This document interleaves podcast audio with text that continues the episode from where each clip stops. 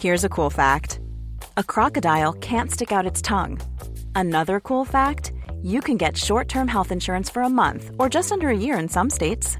United Healthcare short term insurance plans are designed for people who are between jobs, coming off their parents' plan, or turning a side hustle into a full time gig. Underwritten by Golden Rule Insurance Company, they offer flexible, budget friendly coverage with access to a nationwide network of doctors and hospitals. Get more cool facts about United Healthcare short term plans at uh1.com. Planning for your next trip?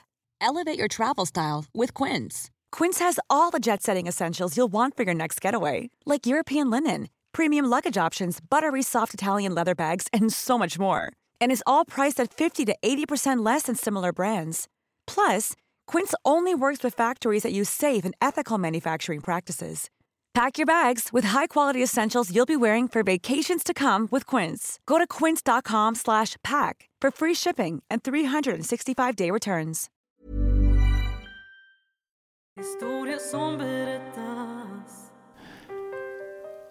Ni lyssnar på Brottsofferpodden. Mitt namn är Joakim Lindén Kastenbäck. Jag driver den här podden tillsammans med Vanessa Del Valle. Fuck machokulturen. Så står det högst uppe på hans Instagram. Han har även skrivit en bok som heter Mansboken.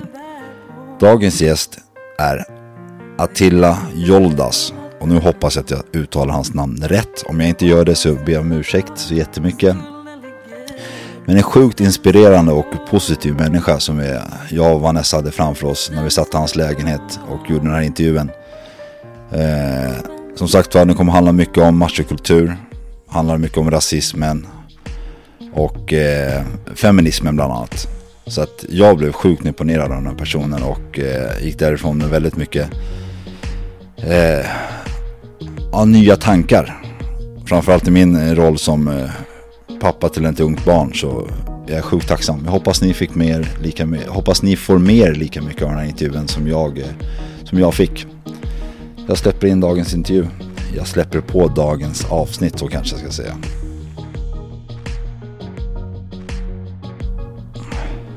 Grymt! Ja, Joakim här, Brottsofferpodden. Vanessa, Brottsofferpodden. Vanessa, jag låter dig presentera dagens gäst. Okej, vi har någon som vi har velat intervjua väldigt länge här med oss. Vi är hemma hos honom just nu. Välkommen Attila! Tack så mycket. Kul att ha er här. Ni är så välkomna. Ja, jätte, vi sitter i ett jättemysigt vardagsrum. Så att det, jag gillar feelingen. Jag tror att det här kommer att bli jättebra. Det tror jag verkligen. Ja, Tack så mycket. Mm. definitivt. Och eh, som jag sa innan vi startade, jag har velat haft med det ett tag. Har jag haft, men tyvärr så är teknikens under så går inte alltid det man, ens meddelanden fram. Jag, jag, jag såg ditt DM och bara nej. nej gud jag är jätteledsen att jag missade. Ja. Det bara försvann liksom Ja. i inkorgen där. Eh, annars hade jag säkert varit här för länge sedan. Men, eh, men nu finns det en mening med det också, för nu var nästa här. Men eh, anledningen varför jag velat ta med det ett tag, det är på grund av att jag tycker det är ett jätteviktigt ämne. Det är ett jätte, jätte, jätteviktigt ämne och på något sätt, eftersom det här är Brottsofferpodden och mycket av det här vi ska prata om idag kanske inte blir förövare och offer när man ser i kriminalitet. Det är det här, eh, dåla är fel, det är fel, absolut inte dåla, men det är som är under liksom, det här som kanske skadar människor psykiskt och fysiskt på, ett, på, ett, på ett annat plan. Har jag rätt när jag säger det? Absolut, och den, den typen av eh, skador och konsekvenser är väldigt tydliga eh, i det fokuset som jag har med framförallt normer och strukturer liksom, i samhället. Eh, det har ju oftast en sån, inom stora citattecken, osynlig effekt ganska ofta, men också rejält våld och liksom, den typen av konsekvenser också. Yes, yes, yes. Ja, innan vi går upp på, eller in på det här intressanta som vi pratar om nu så kan vi väl börja med att prata lite om dig. Vem är du? Eller det är en svår fråga kanske. Den är bred alltså. ja, men vad, vad gör du? Ehm, vad jobbar du med? Jag är, jag är journalist i grunden Mm. och har varit i de senaste tio åren. De senaste fyra har jag varit ute och föreläst ganska mycket. Så jag gick tillbaks lite till den här opinionsdrivande rollen istället för att vara reporter. Eh, började som aktivist back in the day. Lade lite åt sidan och sen nu är jag tillbaks ute och försöker påverka mer då. Och det känns jättekul. Så jag är framförallt ute på skolor och föreläser om olika jämlikhetsfrågor. Och oftast blir det om eh, machokultur. Och när vi pratar om liksom machokultur, Eh, vi, vi tänker att vi ska prata mycket machokultur, men också lite rasism. Mm. Eh, för du har varit lite inne på det också, eller hur? Definitivt. Mm. Jag jobbar eh, eh, med några upplägg för föreläsningar och den ena av dem är eh, rasism och antirasism. Mm. Så den blir också en hel del av. Så det går in i dina föreläsningar som du har nu också. Mm. Definitivt. Kul. Vad är rasism? Ja, den är. Det beror på vilken, eh, vilken ingång man har. Alltså, när jag, oftast när jag pratar om rasism och antirasism så kommer jag ifrån eh, en analys av rasism som maktstruktur. Och då bygger det på att det blir som en hierarki i samhället. Att några eller någon grupp är på toppen och de andra hamnar under och blir missgynnade, diskriminerade, trakasserade på olika sätt eller utsatt för konsekvenser som toppskiktet inte utsätts för på samma sätt i alla fall. Eh, och det handlar ju till exempel om att eh, tillhör man majoritetsbefolkningen eh, i Sverige, eh, är man dessutom vit till exempel, eh, så hamnar man högst upp i den hierarkin. Eh, och har man en utländsk bakgrund så kommer man längre ner i det skiktet och missgynnas på olika sätt. Vi ser att det finns jättemånga Eh, jättemycket statistik och studier som understryker det här. Det är väldigt mycket svårare för vissa grupper att komma ut på arbetsmarknaden till exempel. Eh, mycket större utsatthet för hatbrott i samhället. Det finns många sådana olika exempel där det sticker ut. Friends-rapporten till exempel tar ju ton vid det här vid en tidig ålder redan.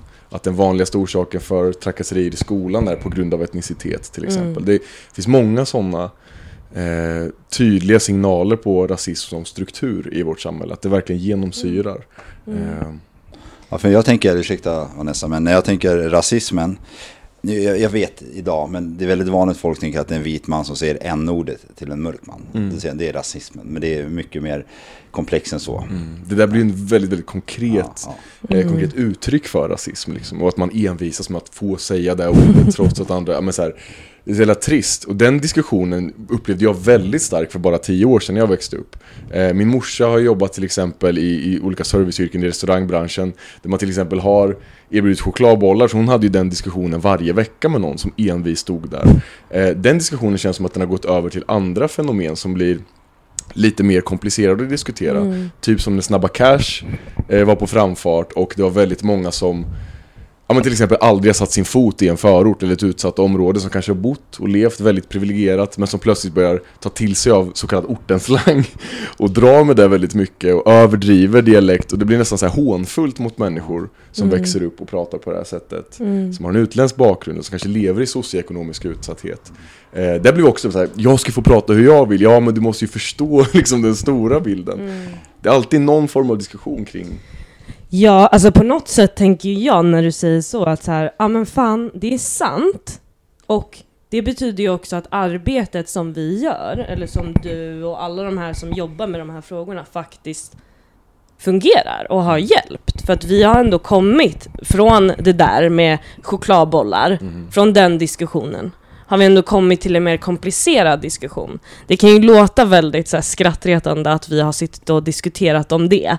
Men någonstans så verkar det ju som att vi ändå i allmänhet är mer medvetna i så fall. Jag håller med, Ehm, jag håller så med. det är ju skitkul. Mm. Mm. Jag, jag, tänk, jag ser också att medvetenheten ökar på Mm. både när det gäller machokultur och, och rasism. Alltså att barn och ungdomar som växer upp idag har ett annat vokabulär än vad bara vi hade med vår generation. Liksom. Mm. Eh, de, jag, jag träffade, var på en skola jag föreläste på, en 12-åring som sa, och jag använde inte det här begreppet i min föreläsning, men hon sa Fan vad fint det är att diskutera intersektionell feminism. Jag bara, hur Oj! kan du det här begreppet? Du är 12! Alltså, så här, jag Shit, lekte med pinnar när jag var 12. Det är så här, Ja. imponerande. Eh, Verkligen. och det syns ju såklart, precis som du säger, i att vi kommer ju framåt också med den här typen av dialoger. Och det Så- tycker jag det är jätteviktigt att höja, just det här för att när man jobbar med, det, med sånt här så man söker ju problem egentligen på något sätt. Vad kan vi lösa? Vad, vad kan man liksom jobba med? Men att det är viktigt också att uppmärksamma att det faktiskt har blivit bättre. Det är ju skitkul. Ja, verkligen. Tur att inte den 12-åringen sa det till mig. det hade jag. Du hade bara, vad är det? Ja, ja, verkligen. Ja, Och det, verkligen, det är ett verkligen. starkt begrepp och Ja. det går ju att förklara eh, och göra det väldigt tydligt men det är ju ett begrepp som används inom forskning typ. Alltså det är en ganska nischad grupp som faktiskt använder det här begreppet ofta när man snackar om sådana saker. Så ja, det är imponerande. Men får jag fråga dig, alltså vad tycker du idag är den, det största problemet med rasismen, eller typ där, där rasismen är som störst. Om, Mm. om vi inte ska använda den här vit man säger en ordet till en svart man. Så Mm. här, var, var, var, är det som, var är det störst någonstans liksom? Jag vill bara lägga till i Sverige. I Sverige? Sverige, Så Ja, allt vi absolut, pratar om absolut. håller oss i Sverige. Ja. 100 procent. Mm. Nej men de här olika perspektiven som vi pratade om tidigare, där, det är ju tydliga eh, konkreta exempel på det. Hatbrotten till exempel är ju ganska stora och utbredda. Där kan ju det vara till exempel att man säger en ordet till någon på en offentlig plats eller drar i någons slöja eller säger sjuka rasistiska saker. Eh, var tionde svensk har erfarenhet av att vara utsatt för ett hatbrott enligt Brottsförebyggande rådet. Eh, majoriteten av dem, 69-70% har rasism som motiv. Så de allra vanligaste hatbrotten är rasistiska. Eh, den typen av hatbrott med det motivet ökar i samhället. Eh, Bara 50% av dem ungefär eh, leder till någon form av utredning och bara typ 3-4% leder till någon form av dom. Det är ett jättestort problem. Det- och det är den extrema änden. Alltså det kan handla om våld och mordförsök och hot och sådana saker. Så där, där, där finns ju ett väldigt konkret fall av den extrema slutdestinationen. Men de extrema beteendena börjar ju någonstans. Alltså, det är ingen som vaknar upp 45 år in i livet, aldrig ens har tänkt en respektlös tanke om andra etniska folkgrupper, vaknar upp en dag och börjar misshandla massa svarta personer. Alltså, det, är inte, så- det är inte så det funkar enligt regeln. Klart att det kan finnas extrema undantagsfall där någon flippar. Men ofta så börjar ju det med mildare beteenden. Skeva förhållningssätt och man möts av fördomar som man sväljer. Man kanske är privilegierad och lever inte med andra olika grupper. Man kanske inte har mångfald i sitt liv. Eh, lättare att fylla blanks med fördomar. Det var mångfaldsbarometern i hö- eh, högskolan i Gävle som kom fram till att var femte svensk är helt negativ till mångfald. Vill inte ha mångfald överhuvudtaget i vårt land. Och ungefär lika många, enligt den rapporten, har inte mångfald i sitt liv. Så ungefär var femte möter inte olika människor i, på sitt arbete, där man bor, hur man umgås, man har inga vänner med utländsk bakgrund. Det är klart man fyller massa luckor med fördomar då. Ja, verkligen. Särskilt om man har en kollega som bara Muslimer är så här och säger massa negativa saker eller svarta är så här Man har ingenting annat att gå på och sen så kanske man väljer den vägen och börjar utveckla någon form av hat mot olika grupper Man börjar ju också utforska det. Mm. Eh, om man har den här lilla, du vet om någon, om någon ständigt säger ja men jag hatar svarta, okej och sen kanske man själv tar till sig den fördomen. Mm. Så börjar man utforska det man tänker. Det är som sociala medier, du vet man får upp det man, det man eh, ja, gillar och kollar och sådär på. Mot, mot. Så, Ja, typ. Eller Okej. så, så, så. okej förlåt. Hörde man mig? Ja, det gjorde man. Det gjorde man. Okej, vad bra. Ehm, ja, men ehm, jag tänkte så här att vi skulle kik- kolla lite hur det kommer sig att Mm. du jobbar med det här. Eller att du brinner för det här, för det låter ju verkligen som att du brinner för det. Ja, jag, jag växte upp ganska vitt Mm. fram tills högstadiet och det var där jag började på en skola där det var väldigt mycket mångfald plötsligt. Så jag började internalisera rasism, alltså jag började typ tro på den typen av fördomar som jag fick höra om mig och min familj, som de andra tyckte då, att vi var på vissa sätt. Och jag försökte ju så att säga tvätta bort den delen av mig själv när jag var väldigt liten och tänkte att jag skulle anpassa mig, lägga allt det där åt sidan, eh, bli mer som de andra barnen. Jag kommer ihåg att jag tjatade på min morsa om att döpa om mig till Robin, alltså specifikt det namnet under flera års tid. Gud. Jag ville passa in. Efter första skolutflykten till kyrkan när jag var väldigt liten och de pratade om att eh, vi skulle lära oss om att det var liksom den vanligaste religionen i Sverige och historisk kontext och allt det där. Så ville jag konvertera, vår familj är eh, muslimer, jag skulle konvertera till kristendom. Jag visste ju varken vad islam eller kristendom var men jag ville ändå, ni vet, anpassa bort den biten. Ehm, Det blev väldigt tydligt för mig att jag förväntades vara på ett sätt där jag antingen skulle anpassa vissa sätt att vara på eller andra saker som jag inte kan göra någonting åt. Typ hur jag är behårad eller ja, men så här, mitt ursprung, jag kan inte ta bort det. Eller kultur och sådana saker. Eh, så det blev väldigt konstigt för mig. Jag försökte dölja den sidan och sen så kom jag till den här hög, högstadieskolan där jag mötte andra som också hade mött samma typ av rasism och såg att de förhöll sig annorlunda och det var ganska mäktigt för mig Ja, i de tidiga tonåren att känna så här, men jag, varför skäms jag för? Nej, de gör ju inte det. Varför ska jag göra det? Så började jag jobba med det. Och samma sak med machokulturen. Det var ju den typen av förväntningar på mig som kille som var väldigt tydliga. Att jag borde vara tuffare, bita ihop. Och jag är ju inte så. Och det krockade ju. Ehm, och det är en, en helt egen story men båda de aspekterna eh, hängde ju med väldigt länge. Och jag såg hur det skadade människor runt omkring mig. Jag såg att det gick ut över min familj, över mig själv.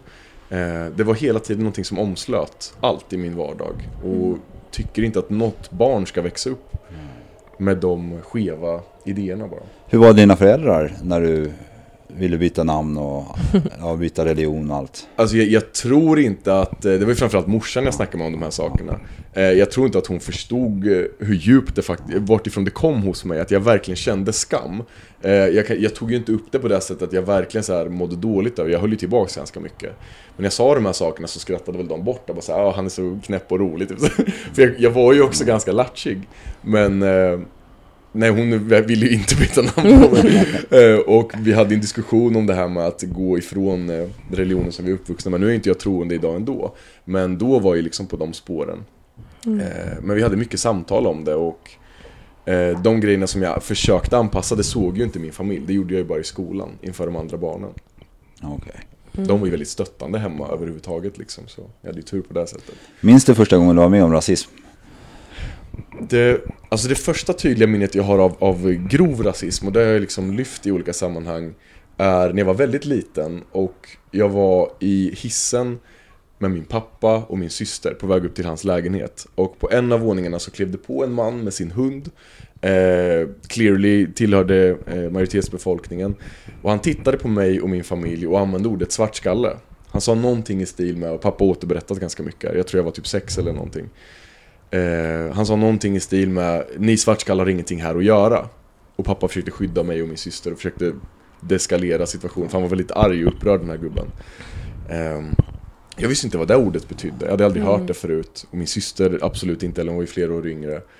Men vi fattade ju att det var någonting som var riktat mot vår familj. Och vi hade mycket samtal med pappa efter. Han eh, behandlade det här som att han var väldigt besviken på att vi redan så små hade ens mött mm. den här typen av beteenden. Eh, och det var ju långt ifrån den sista gången jag blev kallad svartskalle om man säger så. Mm. Men det började väldigt tidigt. Mm. Fem eller sex år gammal var jag. Eh, och blev ihopklumpad till en nidbild av den här gubben då. Och det satte ju sig, det var ju kvar. Ja, jag fick höra olika varianter av den typen av ord under hela min uppväxt. Och i DMs vecka efter vecka nu liksom. Och med, meddelanden och, och mail. så det är så här, kommer yeah. inte ifrån det där riktigt. Eh, det kan ju räcka med att man har ett namn som inte är så vanligt i Sverige. Ja. Så. Jag vet inte vad jag ska svara. Så, här, så, så jag sitter här som en vit privilegierad om man vill säga så. vit privilegierad och, man också. Ja, man också Nej, Vilket man nästan det sagt igen. ja. Nej, men jag tänkte kolla med dig. Um, vad tänker du? För jag, jag, jag vill att vi det här avsnittet ska vara lite så här vad kan man göra själv mm. när man lyssnar på den här? Att man ska tänka lite så okej, okay, men vad kan jag göra? Så vad kan en vanlig Svensson göra för mm. att bli lite mer medveten kring mm. eh, både rasism och, eller ja, jämställdhetsfrågor? Ja. Just det. Det är en jättebra fråga. Alltså mm. jag som är arbetsskadad journalist som googlar allt typ hela tiden skulle ju säga googla allt. Det, mm. det handlar ju verkligen om att hitta eh, faktan som man faktiskt kan luta sig mot. Det finns folk där ute som menar på att rasism finns typ inte i Sverige. Det finns enskilda mm. händelser och enskilda rötägg och allt det där. Samtidigt som man ser i statistiken att det är väldigt vanligt. När var femte person i Sverige är negativ till mångfald, då är det inte bara enskilda individer, det är jättemånga människor det handlar om. Så det, vi vet att den här strukturen redan finns där. Och det första steget för att rota sig i det är ju att söka upp den här kunskapen. Mm. Och det räcker med att googla rasism Sverige eller mångfald Sverige eller olika typer av ord som är kopplat till det här så kommer de här grejerna upp. Det finns mm. från Brottsförebyggande rådet om hatbrott. Eh, Högskolan i Gävle har den här mångfaldsbarometern. Det finns hur mycket som helst. Eh, det finns ju en, en rapport som kom från Länsstyrelsen Stockholm 2018 som handlar om just antisvart diskriminering på arbetsmarknaden. Den heter exakt sådär. Den rapporten är ganska unik av sin sort, för man har inte fokuserat på specifika folkgrupper på det sättet riktigt så i Sverige förut. Där sticker den gruppen verkligen ut på arbetsmarknaden och vilken diskriminering som finns där. Det går liksom inte, det är ingen diskussionsfråga. Mm. Jag säger inte att rasism finns i Sverige för att jag tycker det, eller för att jag pratar bara ur personliga erfarenheter. Det handlar ju om att det här är fakta. Det är studier som finns som mm. görs på löpande band i Sverige. Um, så det är ett viktigt första steg tänker jag. Sen handlar det om att ta det med sig. Mm. Det räcker ju inte bara med att ta till sig all den här kunskapen mm. och infon som finns och bara, ja men jag är emot det här. Mm. Och sen tänker man att man är klar. när man möter fördomarna eller hör den typen av skitsnack vid fikabordet eller hör en släkting som snackar illa om svarta eller vad det nu kan vara. Ta det snacket då, det är jätteviktigt. Mm. Särskilt om man tillhör majoritetsbefolkningen, där har man en enorm makt. Att bara, vad snackar ni om? Alltså, vadå att svarta är så här eller att muslimer är så här? Hur många muslimer umgås du med dagligen? Eller liksom så här, verkligen ifrågasätta och göra någonting. För de mm. värderingarna att man är antirasist betyder ju ingenting om man inte aktivt är det. Mm. Det, det, var också en fråga jag hade faktiskt. Mm. Vad är skillnaden på att inte vara rasist och att vara antirasist? Ja.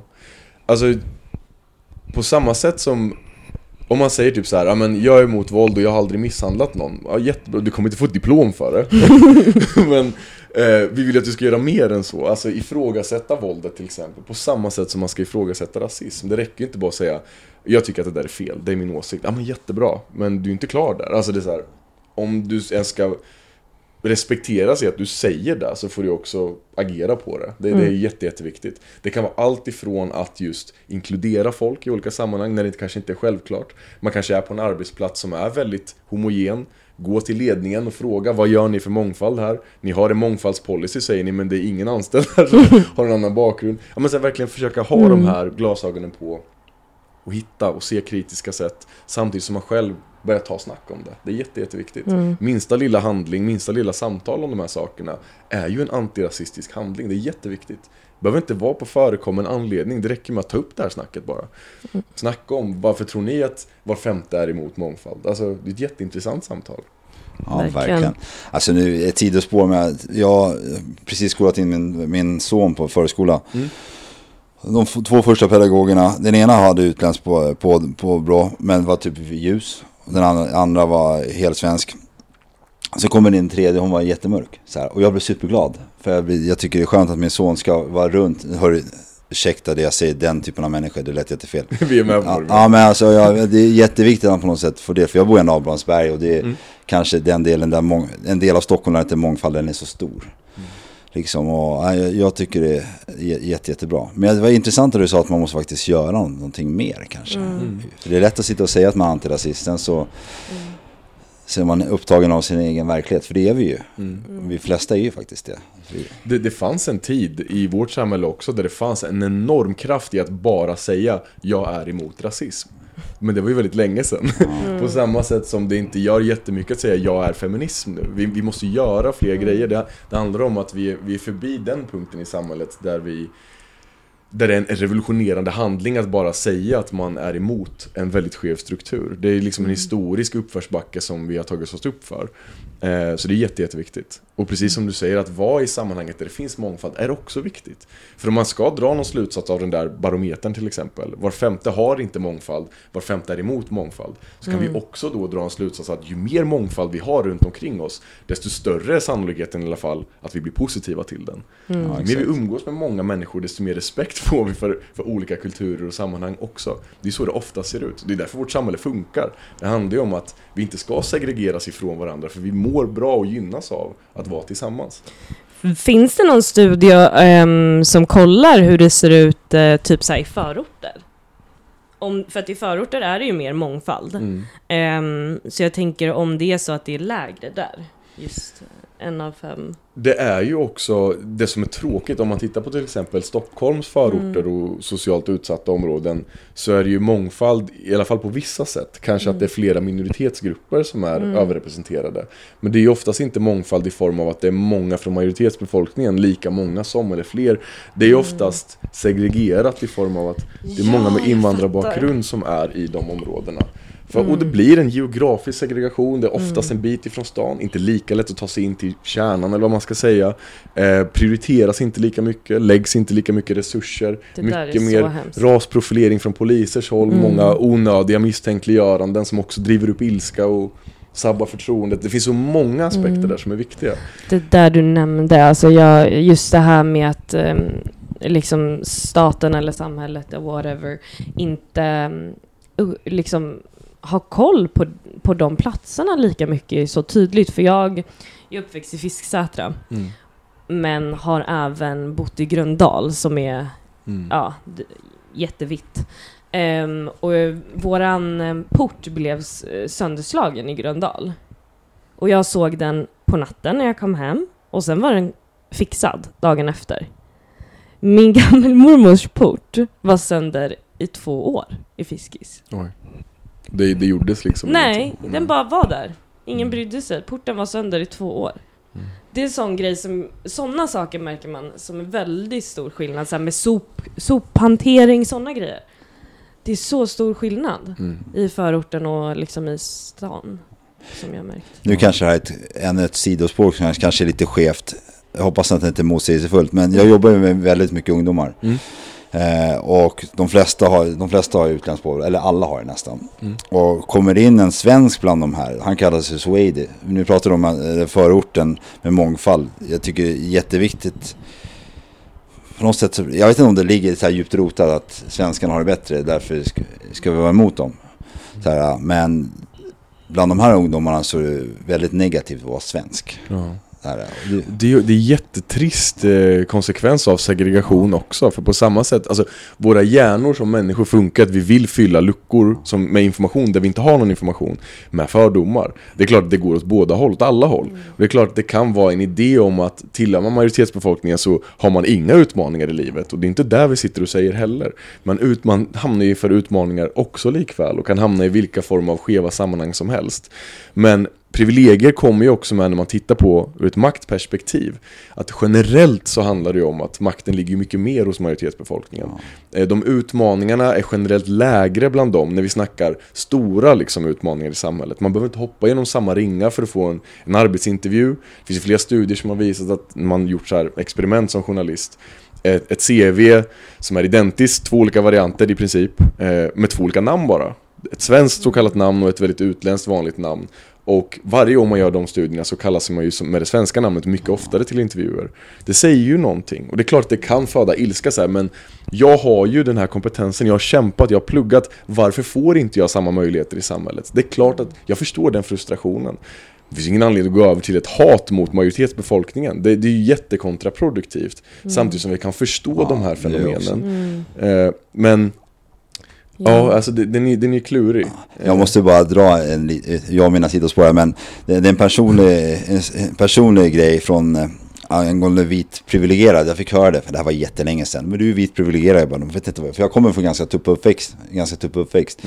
Så jag fattade inte vad som menades med det. Jag hade ingen aning vad som menades med vit privilegierad. För jag har fan fått kämpa i mitt liv för att få någonting liksom.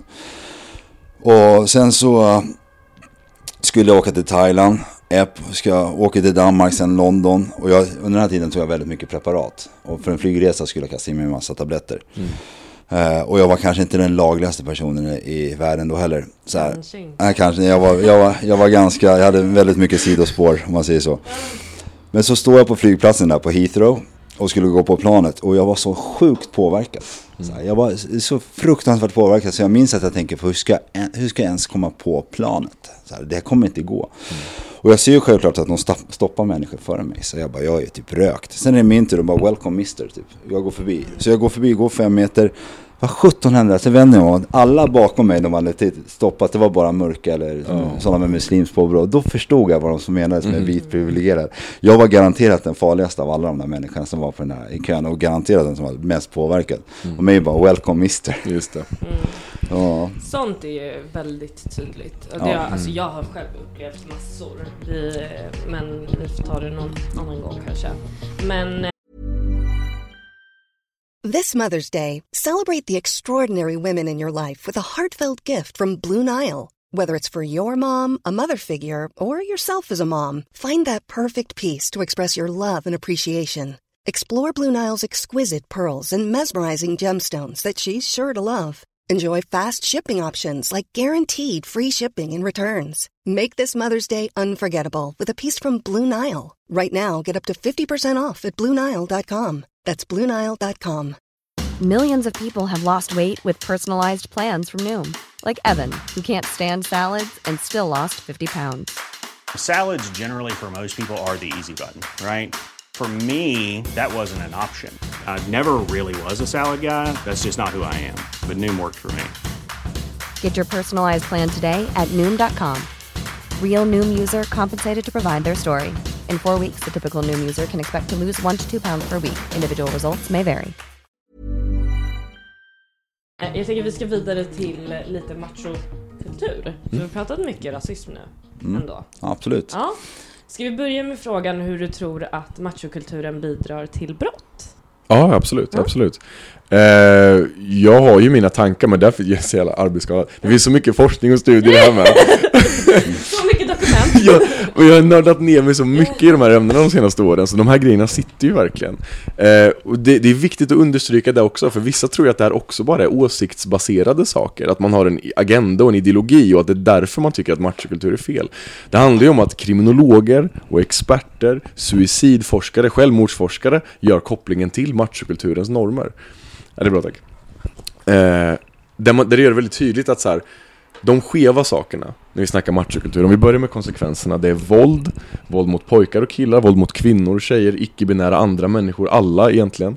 Vi snackar psykisk ohälsa, överrepresentation i självmordsstatistik. Det finns så många sådana fenomen i samhället som är extrema konsekvenser. De gör ju forskarna kopplingar till machokultur. De är extrema grejer, de börjar också med mildare beteenden. Precis som rasistiska hatbrott börjar ju kanske att man säger någonting mildare eller får för sig någonting, en fördom som man göder.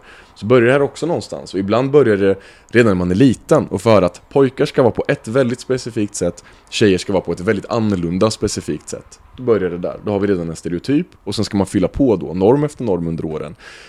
Oftare för killar så blir ju de normerna till exempel, du ska vara lite tuffare, hålla tillbaks på vissa sårbara känslor.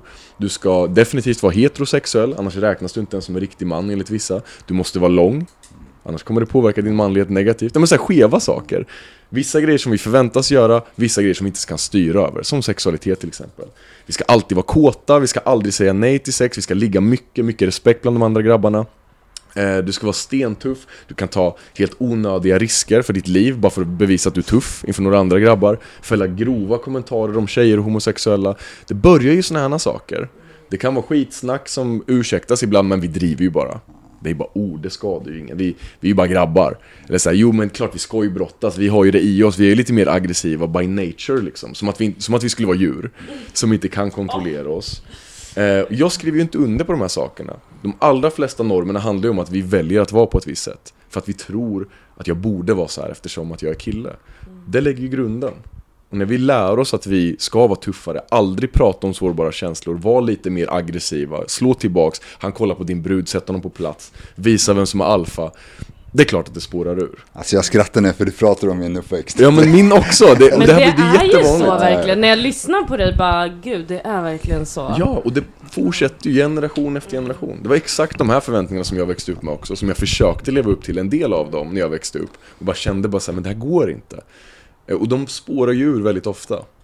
Alltså jag får ju sån så panik bara av att få en son eller alltså typ min systers, min systers son, du vet, bara av att kolla och lyssna och bara se hur de Alltså för man märker ju hur det där växer fram. Det är inte Ja. någonting som när de är små, då är de ju världens, alltså ja, änglar Ja, liksom och ger hur mycket kärlek och pussar och kramar och är nära mamma liksom och alla Mm. andra och sådär. Alltså det är ju verkligen ingenting som man ser från när de är bebisar, men sen typ när de börjar eh, 7, 8, 9, 10, alltså min systers son är ju, vi har en som är 11 en som är 10 och man märker, det är nu det verkligen är som tydligast. Mm. Och det, ja. Men jag tänkte fråga, bara ehm, till det vi pratade om. Eh, har du läst någonting om eh, vad som är biologi? Ja, alltså det, det finns ju biologiska skillnader och det går ju inte att sticka under stol med heller. Men de som för biologiargumenten, det här är så här, vi har de här extrema samhällsproblemen med att män är jätteöverrepresenterade i våldsamma brott till exempel på grund av biologi. Jag tänker så här, det är ganska enkelt egentligen om vi ska kolla på det jättekrasst. Skulle det vara bara biologi, då skulle ju alla män göra de här sakerna. Eller typ 90% av alla män. Nu är det ju en liten del av alla som gör det, som kommer till den extrema gränsen. Däremot är det ju så här, det är många fler som har varit med om ett skojbråk än som har misshandlat någon. Det är många fler som har snackat skit om kvinnor eh, än vad det finns som har faktiskt har misshandlat kvinnor. Alltså, det stora sammanhanget blir väldigt tydligt här. Det handlar ju om att vi ser att det finns biologiska skillnader, men de debattörerna som trycker stenhårt på det, det här har inte med normer att göra, det där är bara genusflum, det har med biologi att göra, de blir ju oftast väldigt kritiserade av forskare. Alltså de säger att du kan inte ge för mycket vikt till det där. De skillnaderna är inte så pass stora så att det blir på en jätteskala. Eh, så det blir också löjligt. Mm. Det finns ju ga- gamla skeva argument om att det beror på att vi har väldigt mycket testosteron. Mm. Forskningen idag är överens om att eh, det finns ingen koppling mellan mycket testosteron och aggression. Däremot har man en, en sjuklig brist på testosteron, alltså att man verkligen hamnat i ett extremt sammanhang i kroppen som inte producerar det. Då kan man bli mer aggressiv. Mm. Men då handlar det ju inte om någon form av grej som är vanlig överhuvudtaget. Och då handlar det ju tvärtom om en brist. Exakt. ja, ja men precis. Ja. Det, vi kan inte ge för mycket vikt vid de här biologiska skillnaderna för då, Ja. då hamnar vi i ett farligt sammanhang liksom. Alltså jag var hos Mind för ett, några år, kanske fyra år sedan, tre Mm. år sedan kanske. Gud vad fint. Ja det var skitnice, så skulle vi vara där och min polare som tog med mig. Vi skulle få lite bistånd av dem på den här lilla summan på 75 000. Det var jäklar. lilla summan. Lilla. Ja, men då skulle vi prata om machokultur. Jag bara, absolut. Sitter jag där så var bara, så, så pratar, pratar de lite machokultur. Så bara vänder de sig, men du är ju typ en sån här machokille. Jag bara, jag du vet, jag fattar ingenting. Du vet, jag visste inte ens vad det var. I mitt huvud var det Clint Eastwood när han går med sin pistol på sidan. Men jag, jag visste absolut ingenting. Men så satt vi där eh, en, två timmar och pratade om. Sen kom helgen och jag och mina, mina, min brors barn, bägge barn, han, en son och en dotter. Dottern är två år yngre, han kanske var fem, hon var tre, fyra någonting. Jag skulle lära honom cykla. Han ramlade. Och Jag, då säger jag så här, ställ upp, det gick bra direkt. Mm. Du kommer slå dig igen ändå, ställ upp. Typ två timmar senare så ramlade eh, Jolin. Och jag bara, hur gick det gumman, hur gick det Ja, gumman? exakt. Och då slog det mig, fan, jag satt bara för Ja. typ dagen innan och pratade om det här, Mm. om skillnaden. Och djupt rotat, killen han, Ja. ställ dig upp för fan. Men det är oftast djupt rotat. Och mycket av de här grejerna som du gav exempel på nu, vem som helst hade kunnat göra det misstaget. För det är väldigt inpräntat hos de flesta av oss. Vi växer upp med de stereotypa normerna. Det sätter sig ibland i ryggraden och blir autopilot. Och det är viktigt att trycka på att det är såklart att det är vårt ansvar som vuxenvärld eh, att när vi trampar i de stereotypa fällorna att försöka komma på det. Och det kan ju vara svårt. Men att man faktiskt hjälps åt där liksom. Eh, jag kommer ju faila. Det, här, det finns, jag, jag upplever ibland att det finns någon form av elitism i den här typen av rörelser. Vissa beter sig som att de har fötts med en masterutbildning i genusvetenskap. Bara, Bror, du sa säkert något skevt för tre år sedan. Vi alla failar ju. Det är ju en del av att vara människa. Jag har också sagt stereotypa saker och kommit på mig själv bara såhär, vet du vad, jag ber om ursäkt. Jag vet inte vart det där kommer ifrån. Alltså man, man får ju typ påminna sig om att inte göra de sakerna, eller åtminstone ha ett samtal om det. Det behöver ju inte vara något dåligt att vara en stereotyp norm. Eh, det finns ju sådana normer som är neutrala eller positiva också. Men de som blir skeva, typ bita ihop hållet eller uppmuntra eller vara okej med aggression och sådana saker. Det blir ju uppenbart att det här kan ju bli stora problem. Där måste vi vara noga naturligtvis. Men vi alla kommer ju faila, vi är människor. Alltså, så är det ju. Det, tycker, alltså, det är ju jätteviktigt att understryka också att så här... För jag ville prata lite, när vi pratade om just machokultur, ja, lite så här jämställdhet och sådär. Jag ville också få in just det här för att många män vet inte hur de ska... Hur, hur ska jag säga? Jag har fått många män som... Jag är mycket inne på så här våld i nära och sånt där. Och så är det många män som har pratat med mig om Um, men det är ju ingen man som pratar om det, eller hur ska jag göra, vad ska jag göra, eller typ så. Och många av de männen har ju varit, ja men jag vet att jag skrev en fråga till dig där jag skrev typ, ja men ehm, en man som har köpt sex till Mm. exempel. För vi, det är ju jättemånga, det är en av tio eller vad det är, som har köpt sex. Och vi måste ju räkna med att det är ganska många.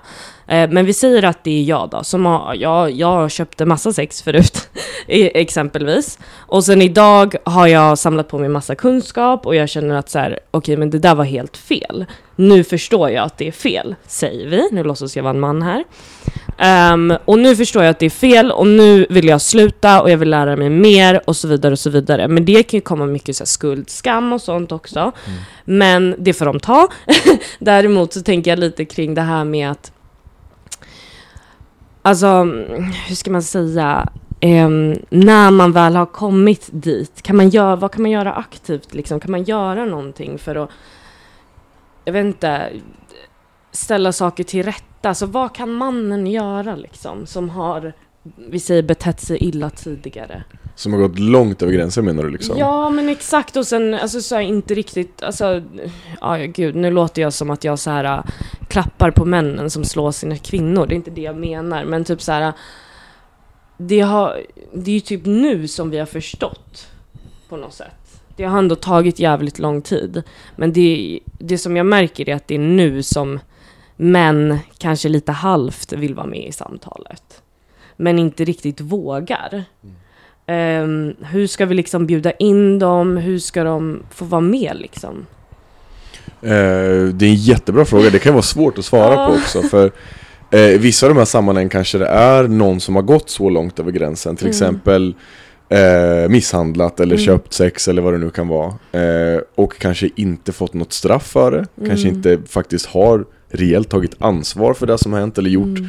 det samhället ändå förväntar sig av en Då kan ju det vara ett första steg att faktiskt ta ansvar eh, Innan man börjar prata öppet om det för att liksom hjälpa andra eller vad man ska säga Eh, Det finns ju något sånt sammanhang där, där det dök upp för bara ett gäng år sedan som eh, exakt den grejen blev väldigt konkret för mig. Eh, Jag hade en bekant i Norrköping där jag uppväxt eh, som jag pratade med, vi sågs en eller två gånger. Han var redan aktiv inom media och då ville jag in i den branschen. Så jag ville ha tips av honom, han var jättetrevlig, supersnäll liksom. Eh, och sen så gick det ett gäng år och då jobbade jag redan som reporter och en kvinna hörde av sig till mig och frågade Är du vän med den här killen? Och då sa jag att vi är bekanta. Och så förklarade hon och skickade massa kopior av en polisanmälan att han har varit våldsam mot henne och betett sig riktigt illa mot henne i deras relation. Eh, kom ganska kort därefter i kontakt med ytterligare en kvinna som hade liknande erfarenheter av samma man. Så pratade jag med henne. Eh, några år efter det så satt han i Nyhetsmorgon och sa att han har varit våldsam mot flickvänner som han har haft sedan han var 15. Det inslaget finns fortfarande där ute. Ja. Eh, han har sagt att han satt där i system och gjort det i princip hela sitt liv. Eh, lika gammal som jag nu liksom, typ. Ehm, och eh, han blev jättekritiserad, TV4 blev jättekritiserade för han har inte fått något straff för de sakerna. Han sitter och pratar om de här sakerna trots att offren uttryckligen har sagt Gör inte det här. Men vad är De han, vad var hans utgångspunkt? Förlåt, nu är jag helt nyfiken. Men Ja men det, det var ju, för mig, jag blev också ganska paff när jag såg det här. Eh, han sa det ju i alla fall i form av att han vill hjälpa andra. Han vill prata om det Männen här, eller- precis. Ja. Mm. Han vill hjälpa andra män att inte vara våldsam och prata om det här öppet. Och det finns ju en bra tanke bakom det, men det blev bara knas. Eh, där gjorde ju till exempel, vill jag minnas, organisationen Män en ganska klockren sak som är typ svar på din fråga. De gjorde en lista på, checka av de här sakerna till medier alltså, innan ni lyfter en sån här person. Och gör det på ett sätt som inte är anonymt. För hade han varit anonymiserad så hade det inte varit några konstigheter. Då hade man kunnat ta med ganska mycket härifrån. Men nu blev det att, det blev som att offren utsattes igen för trauma helt i onödan. Offren hörde ju av sig till TV4 och bara varför har ni gjort det här? Det var fler som skrev debattartiklar anonymt på andra sajter där man kritiserar den här typen av fenomen. Det handlar om att, det, det är därför ansvarsbiten blir så viktig. Att se till så att den här personen har tagit ansvar när den har kommit så långt innan den ska göra sådana här saker. Det finns en enorm vikt i att ta den, den typen av lärdomar och sprida ut den också men det behöver göras på ett väldigt bra sätt tänker jag och det kan Ja. vara svårt. Vad skönt att du hade ett exempel så jag inte satt här så lät som en så här äh, helt äh, borta. Men du Nej, men förstår ju vad jag hänt. menar. Det har hänt, Ja, absolut. och Eh. jag tänker också att så här, inte, inte för att säga alla män, men så här, det är många män. Mm. Som har en skev, skev kvinnosyn liksom. Mm. Och om vi, vill, om vi vill ha män som inte har det så måste vi jobba med dem som finns liksom, tyvärr. Definitivt, Eh, definitivt. inte de som föds inom, ja men vi säger 30 år då, utan vi måste jobba med de vi har liksom. Mm. Så jag tänker att det är viktigt att ehm, Mm. tänka lite på hur vi kan förändra den här synen. Vad tänker Definitivt. du, ehm, hur tänker du att vi kan eh, på något sätt göra att allmänheten får en bättre kvinnosyn? Det är, det är ju en utmaning såklart. Eh, och framförallt så ska vi vara krassa, det är ganska svårt att få killar och män att komma till de här samtalen frivilligt. Jag är ju tur som föreläser i skolor där, de, där det är obligatorisk närvaro de måste vara där. Eh, så jag har ju försprång då.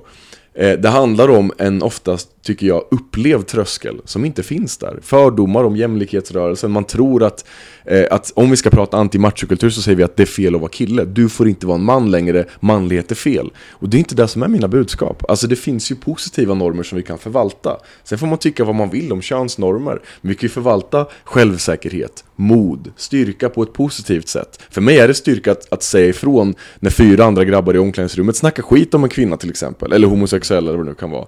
Vi kan omvärdera vissa av de här normerna. Vi kan förvalta vissa bra. Lojal kan ju vara en klockren vanlig sån sak. Men vi måste säga ifrån mot machokultur. Det är en väldigt tydlig skillnad där. Och när vi får dem att förstå skillnaden så att de inte känner sig personligt attackerade när vi pratar om de här sakerna, då försvinner den där tröskeln ganska fort. När jag har de här samtalen face to face, då förstår vi oftast varandra. De fattar att jag inte är där för att kasta skit på killar. Jag tror på killar och män. Det är därför jag engagerar mig också. Därför vill göra en förändring, Ja, jag. och jag, och jag tillhör ju gruppen. Det hade varit jättekonstigt liksom, om jag hade någon annan inställning. Eh, och jag, vi kan ju göra skillnad, men då måste vi komma över den tröskeln och ha de här samtalen. För då hittar vi nästan alltid common ground. Oavsett hur tuffa vi är från början så brukar vi förstå vissa saker. De flesta är överens om att våldtäkt och mord är fel, ja, men då kan vi börja i den änden och sen jobba oss neråt. Liksom. Det här börjar också någonstans. Okej, men vidare till eh, mansboken. Mm. Ja, du har alltså skrivit en bok. Det har jag. Det var- När var det? 2019 den släpptes. Mm. Eh, Ja, alltså det var skitfint. Alltså då hade jag ju skrivit om den typen av frågor ganska länge som journalist. Men då blev det ju väldigt så här lite i taget, alltså väldigt begränsat. En liten fråga som man hade ett visst antal tecken att skriva i en krönika till exempel. Eller en artikel eller vad det nu kunde vara. Så det har blivit ett sätt för mig att eh, sammanfatta mycket mer. Eh, och ta in fler aspekter. Och jag har ju intervjuat eh, folk som jag ser som förebilder till den, samlat in massa forskning och statistik så att det ska bli väldigt lätt att ta till sig av de här sakerna. Jag är väldigt personlig i boken också. Eh, och fokusera på de här olika fenomenen då, där machokultur leder till problem i samhället. Det är alltifrån psykisk ohälsa till sexism till våld och ja, men, flera av de sakerna. Alltså det är det den handlar om. Precis. Ja. Men jag måste, det är ett sidospår om det här, du kanske beskriver det i boken också, men det här att män runt 40 uppåt, de, de är överrepresenterade i, i självmord. Tror du att det är kopplat till machokultur? 100 procent. 100%. Och där, där är det ju eh, Karolinska institutet har ju en, en, eh, ett organ som forskar på just självmord. De konstaterade i en rapport för några år sedan. De skriver att ju mer traditionella mansnormer vi trycker på varandra, typ det här var tuffare, bit ihop, gråt inte, allt det där. Desto sämre hanterar vi depression jämfört med andra och desto mindre hjälp söker vi. De pekar ju på det här med machokultur som den största faktorn till att vi är överrepresenterade. För mellan 70 och 75 procent av alla som dör i självmord är en kille eller man. Vi sticker verkligen ut där. Och det är inte konstigt när vi just pressar varandra till att håll käften och bit ihop om du mår dåligt. Ska du gråta över det här? Skärp dig för fan, var lite tuff istället. Gå och slå på boksäcken. Du har väl ingenting att vara deprimerad över, skärp dig. Det är klart att man inte vill prata mer om hur man mår och vad man känner när man möter den typen av attityder. Och då känner man ju sig bara att man är fel. Jag är för svag, jag är för mesig, för känslig eller vad det kan vara. Det är jag som borde bli tuffare. Och ju mer vi tänker så, desto större ökar risken. Det är jätteskevt. Det här är ju, så här, man kommer ju oftast in när vi snackar om feminism och jämlikhet som att så här, det finns så mycket manshat där. Och feminister är manshatare. Ja, men det är oftare vi killar och män som misshandlar varandra och ber varandra hålla käften när vi mår dåligt. Om det är någonting som står för manshat så är det ju det vi gör mot varandra i sådana fall. Att trycka ner någon som redan mår skit. Trampa på någon som redan ligger ner. Det är inte särskilt ovanligt. I olika grad naturligtvis, men det förekommer ju. Och det är en del av machokulturen. Vi behöver göra oss av med den för vår skull också. Ja, verkligen. Jag visste bara typ förut när någon polare blev dumpad av sin tjej, jag bara släpp henne, det finns tusen fiskar i sjön liksom. Men det vill inte han höra. Nej, men han, var ju, han var ju sorry för att han hade blivit lämnad Ja. liksom. Vill hantera den sorgen, kanske få stöttning, kunna vara sårbar och få vara i det och att det ska vara okej. Det, är, det är egentligen så här bare minimum grejer och de flesta av oss har ju de här erfarenheterna. Av att samtalet snabbt ska rundas av, i bästa fall. eller att det i värsta fall, att man får höra sådana saker. Som att skärp dig, eller du, sluta tjut nu för fan, kom igen, gå vidare typ och sådana grejer. Det gynnar ju ingen, tvärtom. Särskilt inte barn, alltså pojkar som får höra sådana saker. Men vad var din tanke med boken? Var det bara att du ville få ut det här eller eh, typ att folk skulle bli mer informerade? Om... Ja, alltså tanken är ju, jag och förlaget, eh, de formgav ju boken på ett sätt att, så att den skulle vara väldigt lättillgänglig, så att det inte bara är massa text liksom. Eh, så att vi kan lägga den i en mellanstadiepojkes knä, eller mellanstadieunges knä överhuvudtaget, och att man lätt ska kunna ta till sig. Att man kan ta vissa delar av den i taget. Det behöver inte vara att man plöjer den från front to back.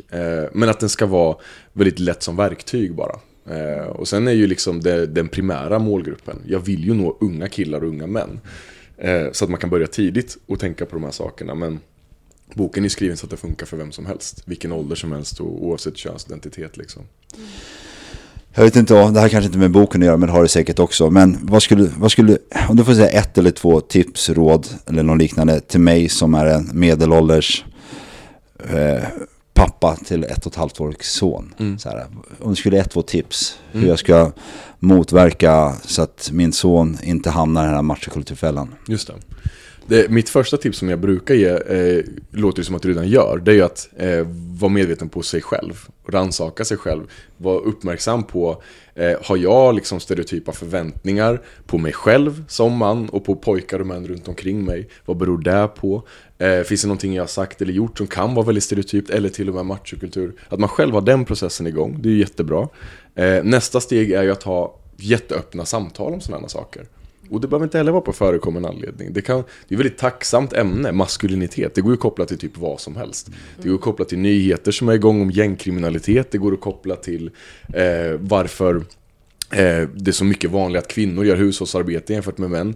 Varför män inte är lika mycket pappalediga. Det här, vad som helst egentligen går ju att koppla till det. Ta upp samtalen, fråga, checka in. Upplever du att du behöver vara på ett visst sätt i skolan på grund av att du är kille? Eller känner du att du blir mö- bemött annorlunda från manliga lärare eller kvinnliga lärare? Och checka in på det sättet blir ju kanske nästa tips då. Ja, Nu fick jag med mig det här, upplever du att det måste vara på ett visst sätt bara för att kille? Jag hoppas jag får med, kommer Ja. ihåg den meningen. För den Ja, ska men jag för få med mig garanterat. Den skulle nog dra igång tankar hos de flesta av oss. För De flesta av oss bemöts ju också stereotypt i massa olika sammanhang. Eh, och det kan vara vad som helst. Alltså det kan ju vara eh, en så här väldigt autopilotfråga som man själv ställer till någon annan. Särskilt ett barn som växer upp kanske. Har du blivit kär i någon tjej än? Istället för Har du blivit kär i någon än? Alltså det är en sån enkel liten grej. Men där man inte trillar in i heteronormen. Liksom. Och, och redan där se till så att det är väldigt öppet och, och tryggt och liksom högt i tak. Det är jätteviktigt. Det där tror jag är skitviktigt för att eh, det är ju så att du, när vi pratade om rasism till exempel så var det så här, men vi behöver ha mångfald. Och he, att vara hetero är ju normen nu. Mm. Det, är ju, det finns ju ingen mångfald på det sättet i, alltså Nej. Om man ska säga i det stora generella allmänheten. Ehm, så det är också skitviktigt att prata om sexualitet tror jag också. 100%. Men jag ville tillägga en, en sista sak, Jocke. Sista tips. Det är, eh, som jag tycker är väldigt viktigt, det är att eh, är man, bor man med en kvinna, eller lever man med en kvinna, att faktiskt göra de här kvinnosysslorna, så kallade kvinnosysslorna, um, med sitt barn. Och ja, bara framför sitt barn utan att mamman ska behöva tjata eller att kvinnan ska behöva tjata. Nu småler jag lite och undrar varför, för jag kanske Ja. skäms. Nej men det, det gör ju alla. Alltså jag menar, jag, menar jag, liksom. jag grät i morse alltså. Över min kille. För att jag bara Jag sitter i två timmar hela tiden och du bara sitter i soffan. Ja, så ibland får man ju så. Men jag tror att just när man har barn, Mm. att det är väldigt vi- viktigt att visa Alltså visa med handling. Exakt. Att göra Att vara de en här förebild, sakerna. liksom. Ja men Mm. exakt, det är 100%. väldigt viktigt. Ehm, ja, Vilket teamwork. eller hur? Dreamwork! Ja, verkligen. Jag tänkte säga att det sista tipset är att följa mig på Instagram, men whatever. Jag ska... We all already follow you, Men men, att- ni andra? Men, ja, men det kan vi, alltså, du är ändå the man of the hour här. Så, men, Vilken skamlös shoutout till mig själv. Var, ja. men eh, om man lyssnar på det här och känner att man vill föreslå dig att du ska komma och tala i, i skolan, Mm. liksom, hur, hur går man tillväga? Eh, Det går jättebra att höra av sig via sociala medier. Eh, Där finns min hemsida också. Där kan man komma direkt. Vad heter du på sociala medier? Eh, Det är mitt för och efternamn bara. Attila Joldash. Attila Attila Joldash. Jollas. Ja, Yes, yes, yes. Och din bok, finns den på bokband? Eh, Den finns på alla onlinebokhandlar. Den finns på de här streamingtjänsterna också. Om man vill ha den som ljudbok får man deala med min halvöstgötska dialekt. i Ja, det är du som har läst in Jag den. blev Ja. faktiskt jätteledsen att den inte finns för ADHD-ungar. Legimus. Ja, ah, okej, just det. Det är en egen ja. Ja, Ehm, det är för oss som faktiskt... Gud, det hade varit... Ja. Det är en bra tanke. För jag sökte upp er och jag, och jag var så här, jag måste säga det, men nu när vi ändå pratar om det. Ja. Legimus, very important. Det var faktiskt ett jättebra tips. Och det är gratis för mig som också har den appen. ja, så. exakt. Ja, nice, nice. Ja. Ja, men det ska jag kolla upp. Det är bara gött om det kan vara ännu mer inkluderande. Ja, men liksom. exakt. Ja, och det är skönt för oss som inte pallar läsa så mycket. Här kommer din fantastiska hund också. Här kommer hon som på beställning här och säger det. ja, det men, men hur ser du på framtiden? Eh, Din och eh, ditt kärnämne det här med feminism, eh, rasismen och machokultur och allt. jag, jag ser positivt på den. Eh, jag ser utmaningarna. Jag ser att det fortfarande är uppförsbacke. Lilja har också en del att säga här tydligen, min hund. eh, men det är hoppfullt. Alltså jag möter ju högre medvetenhet som vi har pratat om bland ungdomarna som jag snackar med. Och eh, ser att det börjar gå framåt, om än långsamt. Så ja, men jag är hoppfull. Ja men skitbra. Här, för ibland, jag jobbar ju med ungdomar som sagt va. Och där, kvinnosynen som finns där, den är mörkrädd alltså. Blir jag Mm. ibland. Men de, de, de lever efter en hiphoplåt. Så de sätter på masken därefter också. Det är väl en Så klassiker liksom. Ja, och sen så när jag pratar med dem själva så är de en helt annan människa. Mm. Det är som natt och dag. Så här, natt och dag. Så här. Vi presterar ju oftast inför andra Ja. när vi snackar machokultur. Mm. Och det är ju verkligen vanligt. Ja. Det är verkligen den här grejen med män i grupp. Mm. Tyvärr. Ja, ja, ja. Det är så Ja. mycket lättare att ha de här samtalen en och en än vad det är att ha det inför grabbarna liksom. Alltså det, Mm. det innebär ju sårbarhet att ens ställa frågor kring sådana här sammanhang i vissa som är riktigt tuffa då, grabbgrupper eller vad man ska säga. Mm. Att ens räcka upp handen eller ens lyssna utan att visa att man in, inte bryr sig eller vad man ska säga. blir också en sårbarhet för vissa. Man Mm. ska inte skeva ifrån machokulturen och då blir det här ganska känsligt.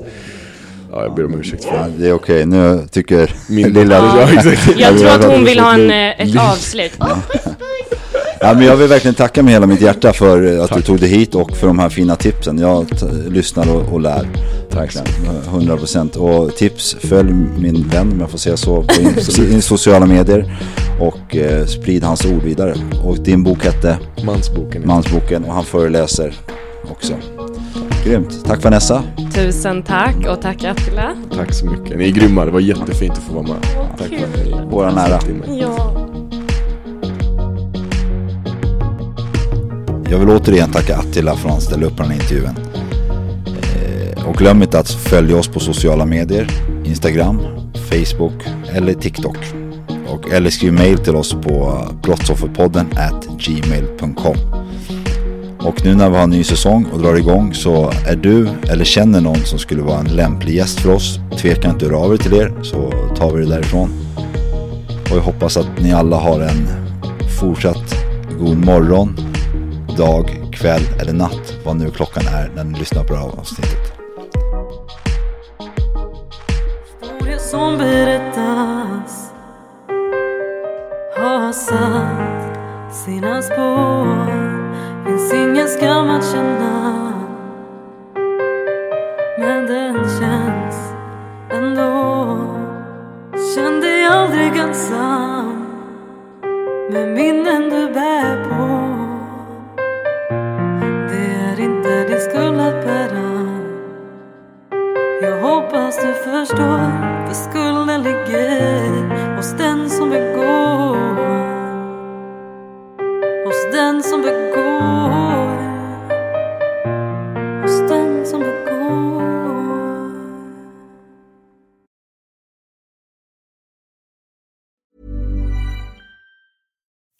On a budget, we still deserve nice things. Quince is a place to scoop up stunning high-end goods for 50 to 80% less than similar brands. They have buttery soft cashmere sweaters starting at $50, luxurious Italian leather bags, and so much more.